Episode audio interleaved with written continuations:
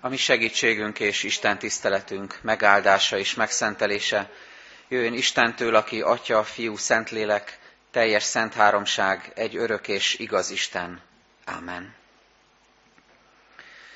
Istenünk igét olvasom Pálapostolnak a rómaiakhoz írott leveléből, az ötödik rész első tizenegy versét, melyet hallgassunk meg figyelmes szívvel. A római levél ötödik részében így szól hozzánk Isten igéje. Mivel tehát megigazultunk hitből, békességünk van Istennel, ami Urunk Jézus Krisztus által. Ő általa járulhatunk hitben ahhoz a kegyelemhez, amelyben vagyunk, és dicsekszünk azzal a reménységgel is, hogy részesülünk Isten dicsőségében. Sőt, dicsekszünk a megpróbáltatásokkal is, mert tudjuk, hogy a megpróbáltatás szüli az álhatatosságot, az álhatatosság a kipróbáltságot, a kipróbáltság a reménységet, a reménység pedig nem szégyenít meg, mert szívünkbe áradt az Isten szeretete a nekünk adott Szentlélek által.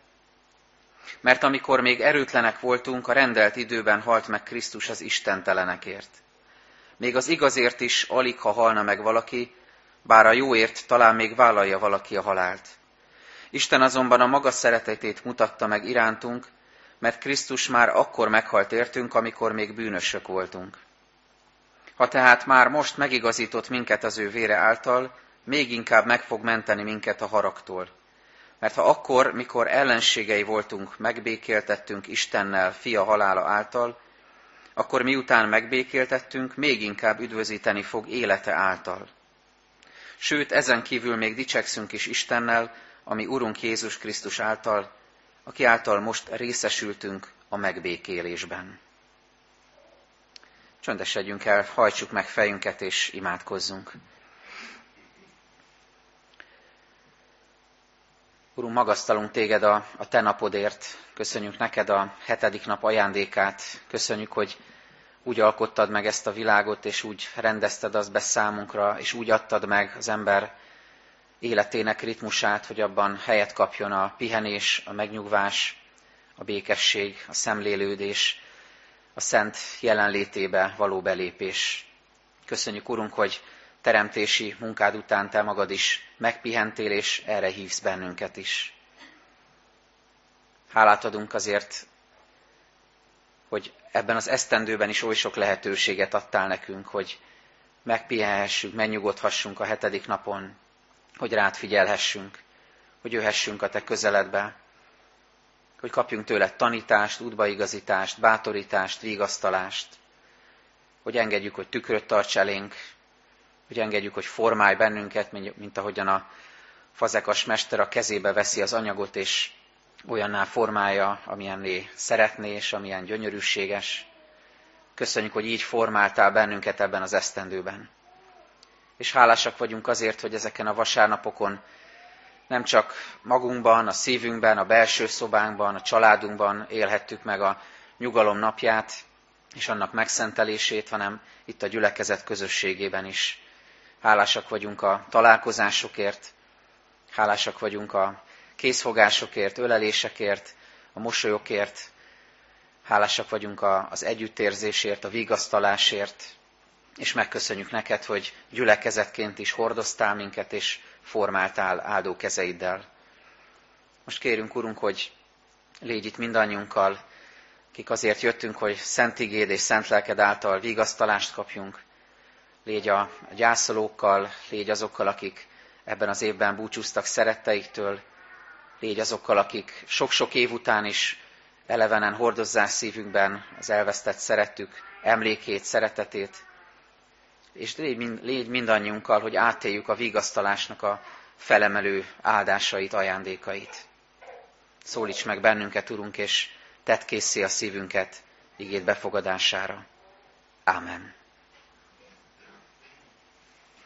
Szeretett testvérek, fennállva hallgassátok meg azt az igét, melynek alapján Isten üzenetét szeretném hirdetni közöttetek meg van írva a példabeszédek könyvének 24. részében, a 13. és 14. versekben. Egyél, fiam, mézet, mert jó, és a lépes méz édes az ínyednek. Tudd meg hát, hogy ilyen a bölcsesség a lelkednek. Ha megtalálod, van jövendőd, és reménységed nem semmisül meg. Ez Istenünk igéje. Foglaljunk helyet.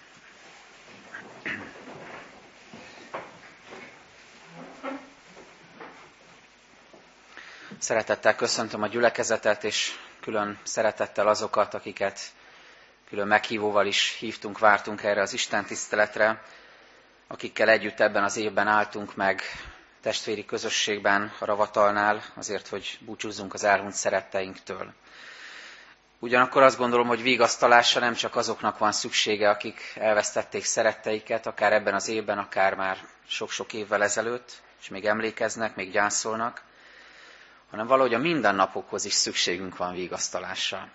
Szükségünk van arra, hogy túllendítsen Isten szent lelkének vigasztalása holdpontjainkon, szükségünk van arra, hogy, hogy bátorító igét, üzenetet kapjunk a lélek által, ami kivon bennünket a mélységekből, ami egy reményteljes jövőképet vázol fel elénk, és ami egyáltalán segít élni, segít létezni ebben a világban.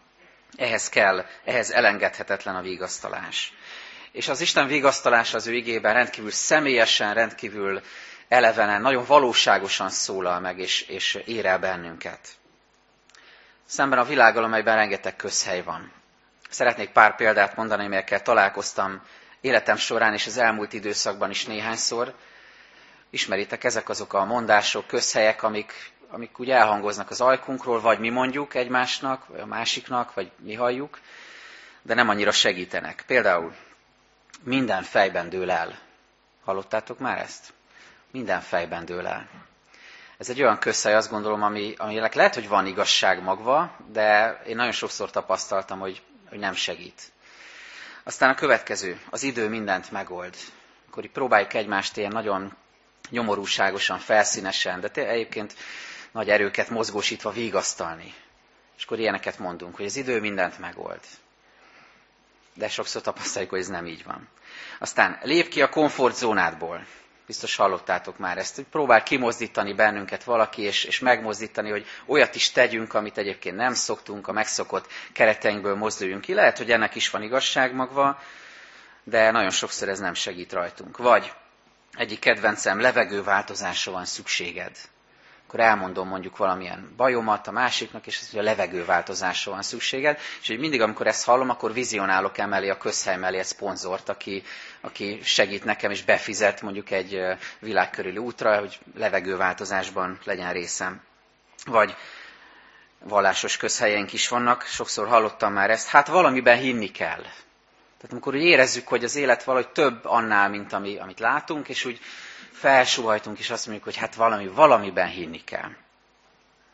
És az utolsó, amit még fölírtam, nyilván örök sláger ez is, még sosem volt úgy, hogy ne lett volna valahogy.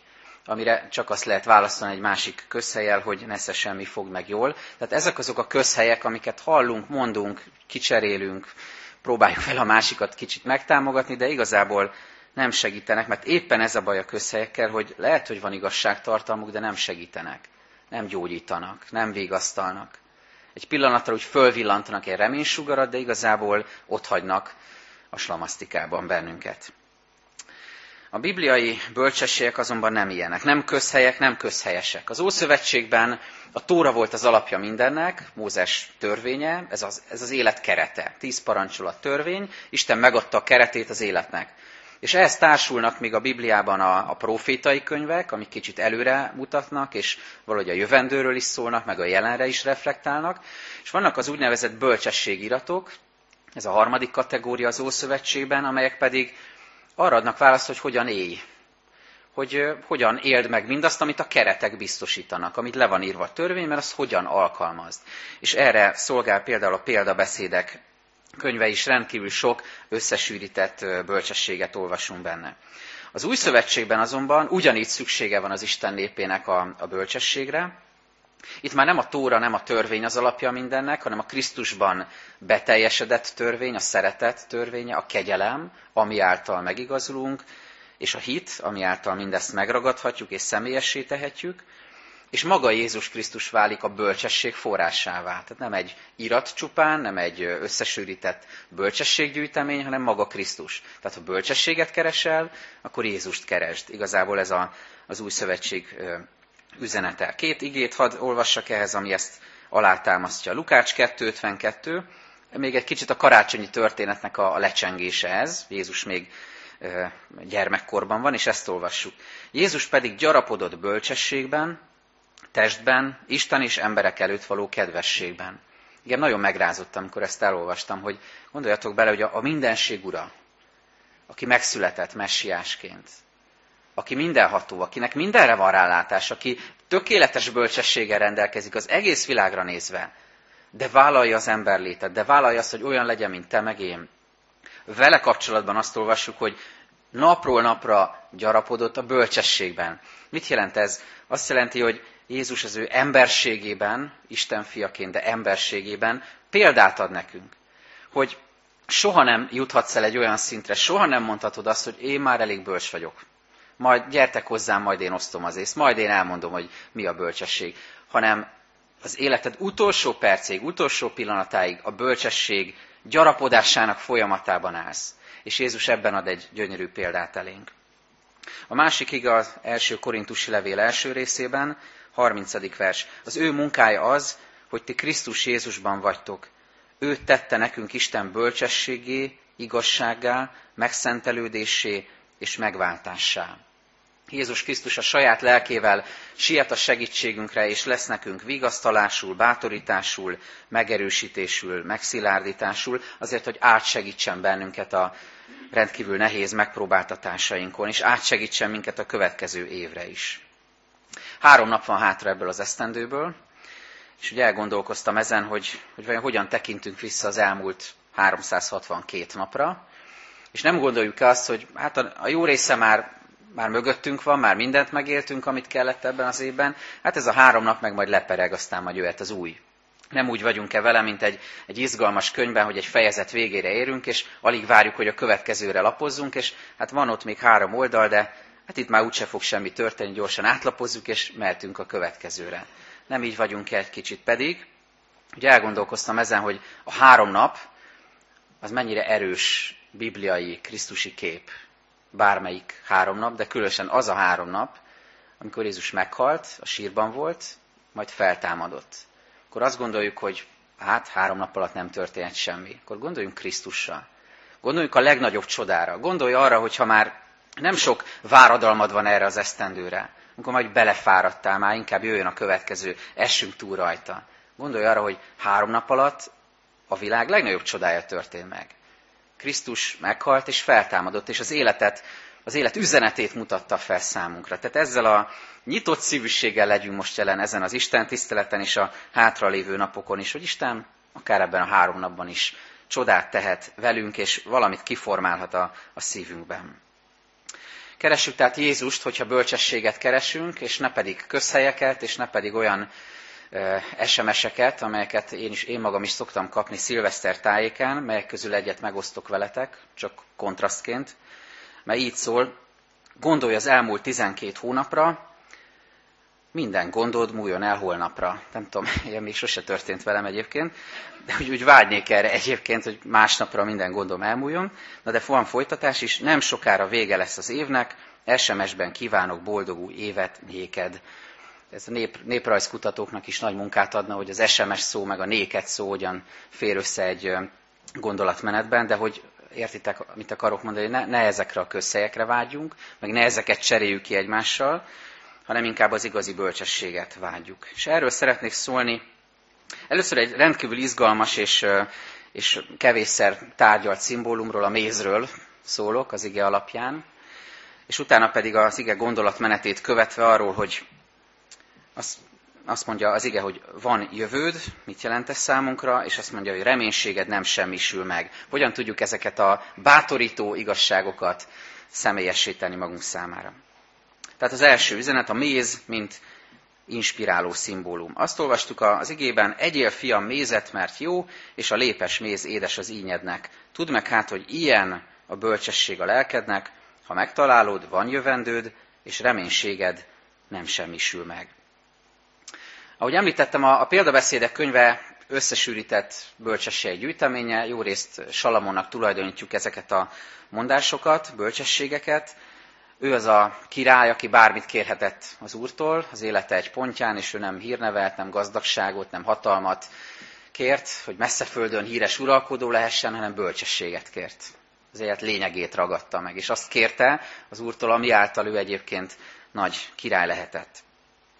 Tehát bölcsességet kért, és ezeket a bölcsességeket megosztja velünk. És olyan érdekes látni, hogy általában egy-egy bölcsesség egy igevers. Tehát egy mondat, az önmagában is megáll, azt elolvasod, és magadra nézve alkalmazhatod. És így voltam én is a 24. rész 14. versével, amit pár héttel ezelőtt olvastam, vagy kaptam valakitől, és nagyon megmozgatott, formált, és, és Isten arra indított, hogy erről beszéljek ezen az utolsó vasárnapi Isten tiszteleten. És akkor elkerülte a figyelmemet az előtte lévő igevers.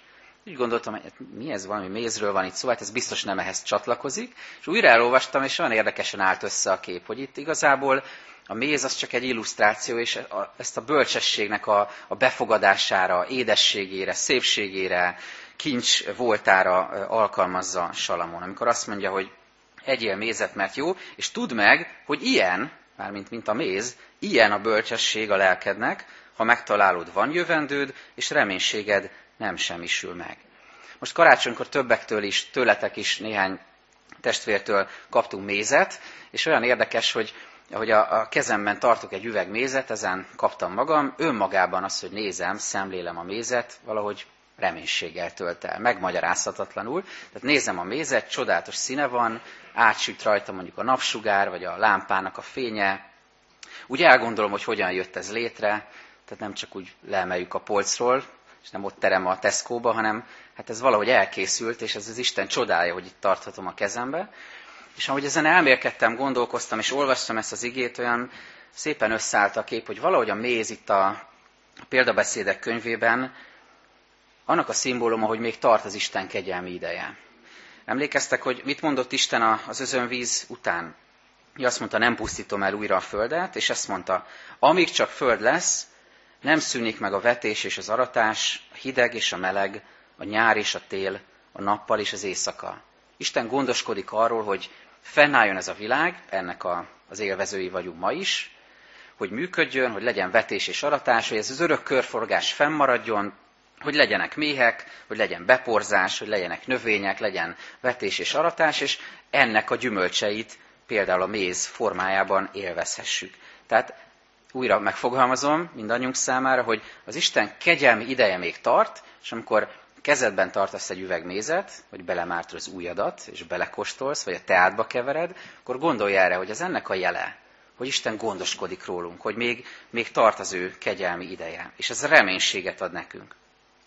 Ráadásul sokszor előkerül a Bibliába, nem olyan rengetegszer, de azért sokszor a méznek a képe. Három jellemző bibliai vonatkozást idézek. Az egyik, hogy amikor Isten az ígéret földjéről beszél, és azt mondja, hogy, hogy majd beviszlek benneteket erre a földre, amikor azt olvassuk az igéből, hogy, hogy van egy ország, ahol majd elérkezik Isten népe, akkor ezt úgy fogalmazza meg, hogy ez a tejjel és mézzel folyó föld, a tejjel és mézzel folyó Kánoán. Annak a kifejezése ez, hogy ott, ott bőség van.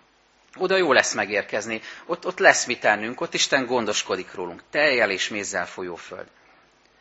Aztán a másik idézet a 19. Zsoltárból, ahol már Isten szavára vonatkoztatja az írás, a mézet. Az Úr döntései igazak, édesebbek a méznél. Úgy fogadhatjuk be, ahogy a mai igénkben is olvassuk, Isten szavát, Isten bölcsességét, mint hogyha egy jót e, mártanánk a, a mézből, és ez megvidámítja a szívünket, testünket, lelkünket. És a harmadik vonatkozás keresztelő János. Emlékeztek, hogy azt olvassuk róla, hogy hogy a pusztában élt, tevesző ruhát hordott, és sáskát és vadmézet evett. Ez János, a, a prófét, aki meghirdeti a messiás eljövetelét. A méz tehát az Isten kegyelmének, gondoskodásának a jel. Amikor itt azt olvassuk, hogy egyél fiam mézet, mert jó, és a lépes méz édes az ínyednek, ez nem egy táplálkozási tanácsadás. Ezt azért mondja el a, a, a Szentíró, hogy utána hozzá kapcsoljon valami lelki üzenetet, hogy formálja a szívünket, a gondolkodásunkat. És ezen is úgy elmorfondíroztam magamban, hogy, hogy milyen csodálatos, hogy, hogy ilyen szervesen kapcsolódik egybe a test és a lélek a Szentírásban, az evangéliumban. A legszebb jelennek maga Jézus Krisztus. Hogy nem csak egy szellemi lényként jön el az Isten erre a földre, nem csak egy, egy megfoghatatlan alakként, hanem fölölti magára az ember testét. Test és lélek egysége Krisztusban a legcsodálatosabban mutatkozik meg számunkra. De ott van például a Betesda történet, vagy bármelyik gyógyítás történet, amikor Jézus odalép az az emberhez, aki azt mondja, hogy nincs emberem, aki segítsen rajtam, és nem csak lelki tanácsadást nyújt neki, hanem meggyógyítja. Nem csak néhány biztató gondolatot mond el neki, hanem az életét formálja és, és karolja föl azáltal, hogy meggyógyítja őt. Vagy ott van a feltámadás történet, ami után megismétlődik a csodálatos halfogás története, csodája, és Péter, amikor ezt látja, beleveti maga, és látja Jézust a parton, beleveti magát a vízbe, megdönti a 100 méteres gyorsúszás rekordját, egyébként kb. 100 méter volt, amennyire voltak benne a tóban, kiúszik a partra, és látja, hogy még nincsenek ott a halak, amiket ők fogtak, de Jézus már süti a halat a parázson. Értitek, hogy Jézus nem csak megmutatja, hogy feltámadtam, élek, és lelki üzenetet ad, hanem reggelit ad. Megvendégeli a, a tanítványait, a szeretet közösségét, és, és gondoskodik róluk. Tehát nagyon fontos, hogy egységben van a test és a lélek. Tehát nagyon erős és inspiráló szimbólum maga a méz is, a bővölködésnek, az áldásnak, a kegyelemnek, a gondoskodásnak a jele. És ezért mondja itt Salamon, hogy tudd meg hát, hogy ilyen, mármint mint a méz, ilyen a bölcsesség a lelkednek. Ha megtalálod, van jövendőd, és reménységed nem semmisül meg. Ha megtalálod Krisztusban. Erre az édességre vágyunk, és jól esett nyilván beiglit tenni, meg szaloncukrot csenni a fáról, meg dugi édességeket előszedni karácsonykor, ez jó, jól esik nekünk, de hogy, hogy itt lelki édességről van szó, ezt kell lássuk és, és megértsük, amikor a mézről beszél a Szentírás. És akkor menjünk tovább, hogy lássuk meg, hogy milyen gondolatokat, milyen vigasztaló gondolatokat társít ehhez a Szentírás. Azt mondja, hogy ha megtalálod a bölcsességet, ha, meg, ha találkozol Krisztussal, fogalmazzuk így, akkor van jövendőd, és reménységed nem semmisül meg. Nézzük az elsőt. Van jövendőd. Annyira lehangoló az, amikor valaki azt éli át, azt tapasztalja, hogy, hogy valaminek nincs jövője. És valamiről, hogy ki is mondjuk, ennek nincs jövője. Itt nincs folytatás, nincs remény. Például valamilyen technikai eszközre szokták ezt mondani, vagy érzékeltetni. Biztos ti is érzitek, hogy mennyire felgyorsult a technikai fejlődés, ami idén menő volt, az valószínűleg jövőre már eléggé lúzer dolog lesz, és, és pillanatok alatt változik minden, és onnan lehet tudni, hogy valamiről már úgy lemondtak, hogy nincs hozzá támogatás, nincs hozzá frissítés, már úgy nem lehet hozzá a kiegészítőket megkapni, tehát még lehet, hogy megvásárolod, de már, már nincs jövője. Ezt sugalják, ezt érzékeltetik. Vagy így van ez a sportban is, amikor egy játékos kezd kiöregedni, vagy egy csapatban sok kiöregedő félben lévő játékos van, és azt mondják, hogy ennek a csapatnak már nincs jövője, és hozzuk a fiatalokat, és majd velük győzni fogunk. Vagy egy kapcsolatban, ez már talán súlyosabb kérdés mindannyiunk életében. Egy kapcsolat, amire valaki kívülről ránéz, és azt mondja, hogy hát figyeljetek, nem akarok okoskodni, de ennek nincs jövője. És nagyon so- sok bölcsességet lehet így hallani. Kívülről ránézve valaki tutira megmondja, hogy ennek nincs jövője. De az még fájdalmasabb, amikor te belülről éled ezt meg. Benne vagy egy kapcsolatban, és azt, azt tapasztalat, hogy ennek nincs jövője. Nem, nem tudom, nem értem, hogy ez hogy lesz, hogy lesz jövőre, hogy lesz tíz év múlva, hogy fog ez működni.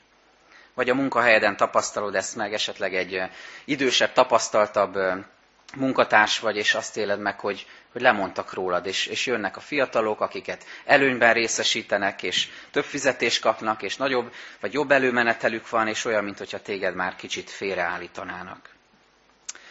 Sok mindennel kapcsolatban élhetjük tehát meg, hogy, hogy nincs jövő. Hogyan lehetne folytatni az életet valaki nélkül, aki a mindennapjaink része volt? Megálltál a ravatalnál ebben az évben, és, és másnap fölkeltél, és azt mondtad, hogy tehát hogyan lesz tovább? Hogy, hogyan, hogyan tudok majd beszélgetni vele, ha már meghalt? Hogyan tudok kapcsolatban lenni vele? Ez megszűnt, ez, ez megszakadt. Hogyan tudom folytatni a mindennapjaimat, ha ő már nincs ott velem? Vagy hogyan lehetne felállni, tovább menni egy, egy bukás, egy csalódás után, egy bűn után, amit elkövettem? Hogyan tudok a szeretteim szemébe nézni? Hogyan tudok annak a szemébe nézni, aki ellen elkövettem? Hogyan tudok tükörben nézni? Hogyan tudok Isten szín előtt megállni? Hogyan tudom folytatni az életemet? Van-e jövőm? Hogyan lehet élni úgy, hogy több fronton kell helytállni?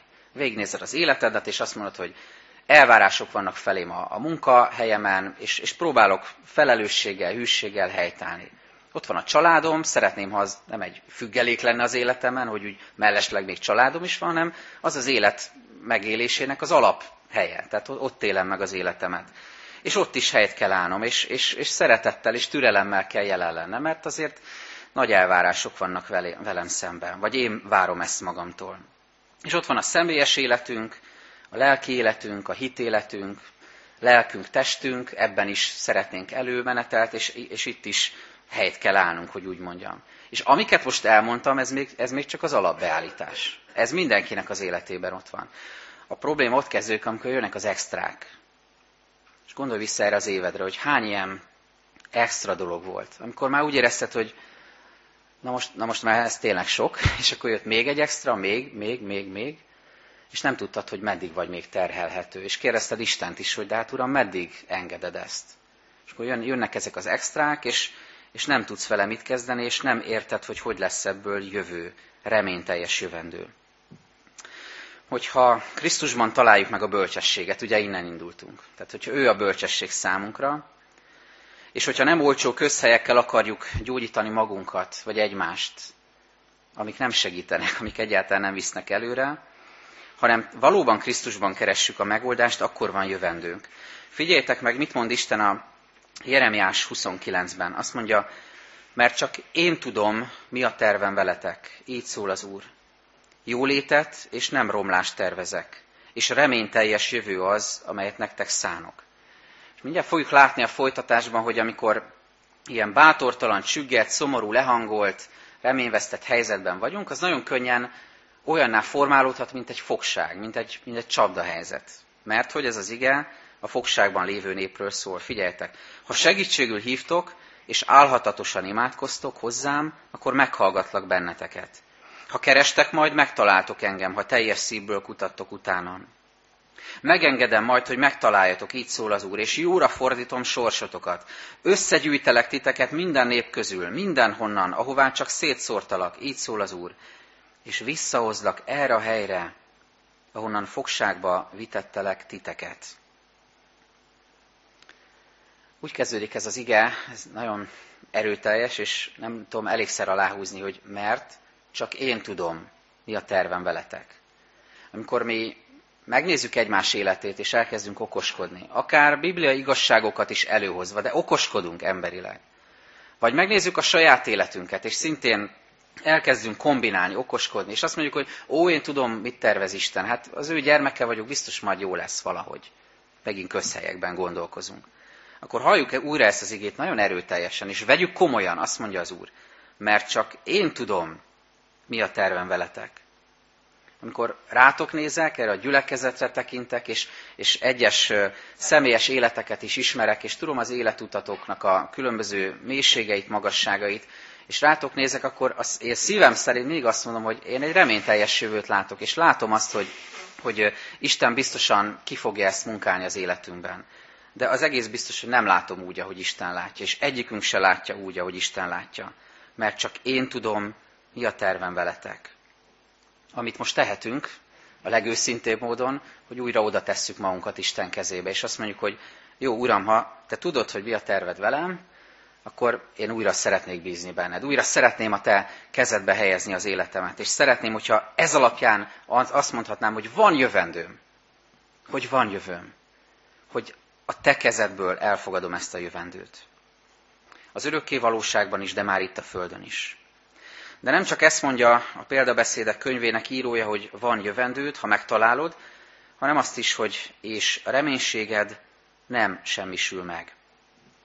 Az Isten tisztelet elején a római levélből idéztem, és ezt újra olvasom ennek egy részletét. A megpróbáltatás szüli az álhatatosságot, az álhatatosság a kipróbáltságot, a kipróbáltság a reménységet, a reménység pedig nem szégyenít meg, mert szívünkbe áradt az Isten szeretete a nekünk adott Szentlélek által.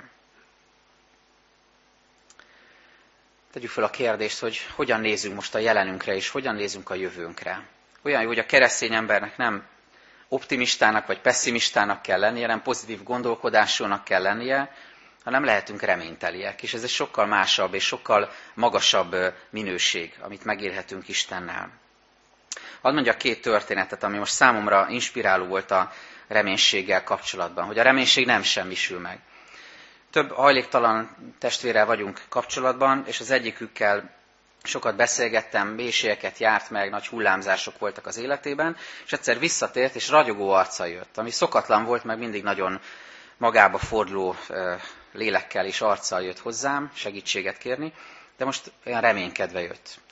És beszámolt arról, hogy hogyan rendezte az életét, hogy talált egy lakást, ahol valakivel együtt lakik, albérletben, meg valami munkát is talált, és azt mondja, hogy még a szobámat is olyan szépen berendeztem, és amikor a végére ért a beszámolónak, azt mondta, hogy ugye büszke rám a lelkész úr.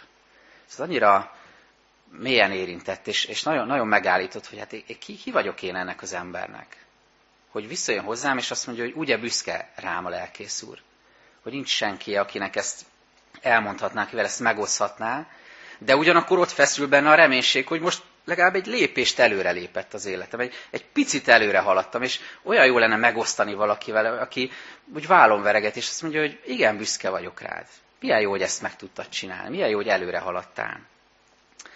És olyan jó, hogy, hogy hogyha ti hálát tudtok azért adni, hogy, hogy nem vagytok ember nélküliek, nem vagytok hajléktalanok, vannak családtagjaitok, szeretteitek, és van mennyei atyátok, akivel meg tudjátok osztani, hogy egy picikét előre mozdult az életetek. Mekkora reménység van ebbe, gondoljatok bele.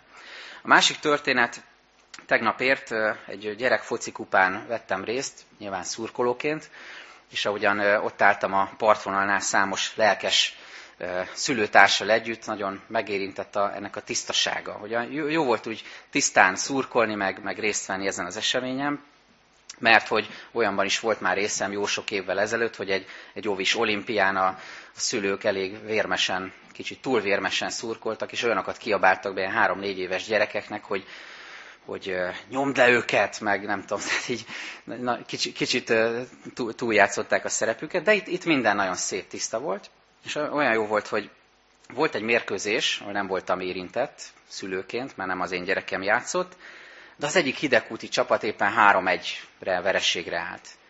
És aztán egyszer csak összekapták magukat. Kóvályogtak csak a pályán, de összekapták magukat, és elkezdték rúdosni a gólokat. És berámoltak négy gólt egymás után, és 5-3-ra győztek. És ott ugráltunk a többi gyerek lelkű szülővel együtt a partvonalnál, ez, ez rendkívül lelkesítő volt. És azt éltem meg, hogy, hogy ez már nem csak a fociról szól, hanem arról, hogy, hogy elhiszem-e, hogy egy, egy verességre ítélt helyzetből lehet győzelem. Hogy elhiszem-e, hogy, hogy fordulhat a kocka, hogy elhiszem-e, hogy, hogy igenis, hogyha, hogyha hittel játszok, hogyha ha odafigyelek, ha oda teszem magam, akkor, akkor ebből lehet győzelem is. Jó volt ezt átélni, jó volt ennek a, reménységét magammal vinni, és viszem is a következő évre. Mert hogy a reménység azt jelenti, hogy felkelsz reggel, észleled, hogy még élsz, megtapogatod a tagjaidat, és konstatálod, hogy ezek szerint hálás lehetsz Istennek, mert még van feladatod. A reménység azt jelenti, hogy fölkezd reggel, és, és neki durálod magad, és elkezded csinálni, amit Isten rád bízott. Nem azon agyalsz, hogy mi lesz három nap múlva, mi lesz jövőre, vagy mi lesz öt év múlva, és van-e ilyen értelemben jövőd, hanem a jelen pillanatból kilépve átéled, hogy Isten már jövőt készített neked, mert megadta ezt a napot reményteljes jövőt adott. És elindulsz, és hálás szívvel végigcsináld ezt a napot. És megkeresed, hogy, hogy mi, mi, mire hívott most Isten, miben akar használni, hogyan tudod őt szolgálni, és hogyan tudsz az ő dicsőségére lenni. Ez a reménység pedig legyőzhetetlen. Legyőzhetetlen, mert Krisztus legyőzhetetlen, és ő adja ezt a reménységet a szívünkbe. Ugye elgondoltam, ahogy a fiatal János apostol ott állt a Golgotai kereszt alatt egyedüli tanítványként. És aztán feljegyzéseket készített később, és megírta az evangéliumot. És milyen jó, hogy nem csupán azt írta le, hogy Jézus szenvedett a kereszten, és egyszer csak kilehelte a lelkét, és meghalt. Hanem még egy szót hozzáírt, amit Jézus mondott, hogy elvégeztetett. Ha föllapozunk János evangéliumát, ott szerepel ez a szó. Mert hogy nem csak a halált látta, nem csak a legyőzöttséget, nem csak az elmúlást, hanem ezt a jelentőségteljes szót, amit Jézus kimondott, elvégeztetett. És hogy visszagondol János, és visszagondolunk mi is, azt mondjuk, hogy hát ha Jézus azt mondta, hogy elvégeztetett, akkor ez azt jelenti, hogy nem volt értelmetlen a halál. Akkor azt jelenti, hogy ez nem egy veresség volt, hanem győzelem volt. És hogyha így nézed az életedet, és ha így nézed ezeket a golgotai pillanatokat az életedben, ezeket a nagyon sötét pillanatokat, ezeket a nagyon nagy mélységeket és veszteségeket, hogy benne elhangzik Jézus szava, hogy elvégeztetett, akkor ez felemeli a lelkedet, és értelmet ad az életnek és a továbbélésnek. Mert hogy ez az evangélium. Nem azért reménykedhetem, mert úgy gondolom, hogy majd holnap, holnap után az én ügyességemből, bölcsességemből, okosságomból, majd én valahogy megoldom a dolgokat. Nem ezért reménykedek, hanem azért reménykedek, mert Jézus kimondta, hogy elvégeztetett, és ő fog mindent elrendezni, ahogyan kell. Ez a reménység árad a szívünkbe, és ez a reménység ad örömöt is nekünk a folytatáshoz, a következő évhez. Azt kívánom mindannyiunknak, hogy ezzel a reménységgel és ezzel az örömmel tudjunk átlépni majd a következő esztendőben. Kaptam egy verset pár nappal ezelőtt, és ezt szeretném végül megosztani veletek. Lack János verse. Olyan legyen örömöm, mint a szurkoló gól öröme, olyan, mint az ovisé, aki ámulva nézi, ahogy az égbe hajított marék homok szerte porlik. Olyan, mint a töltött húsba belevágó éhes vendégé, a feltáruló belső szférák láttán. Olyan, mint a sündisznó fölé hajoló, megszúrt kezét ilyetten hátrakapdosó, szuszogásán ámuló kisgyereké. Olyan, mint a kipirult lekvárfőzőjé, aki az utolsó szem szilvát pottyantja a bugyborgó kondérba olyan, mint a háza kapuját váratlanul megpillantó imbolygó részegé. Olyan, mint a hosszú levezetés után felnyerítő, táncra perdülő matematikusé. Olyan, mint a felvételi eredmények köz sajátját megpillantó diáké. Olyan, mint a megingó, de talpon maradó korcsolyázóé.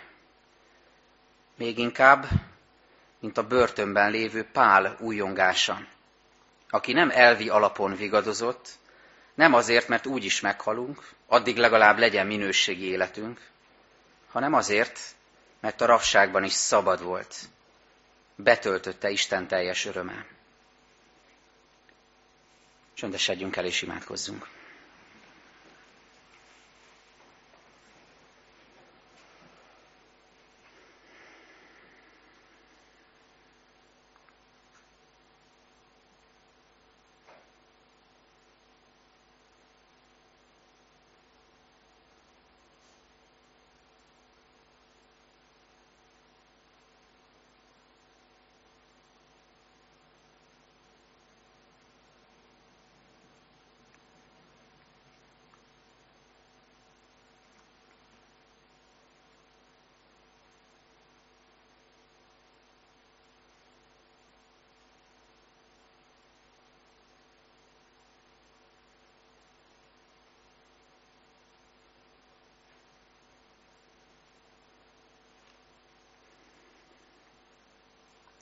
Úr Jézus Krisztus, könyörgünk, hogy amikor elmúlnak majd az ünnepek, akkor Te kísért tovább bennünket lelkeddel a hétköznapokban.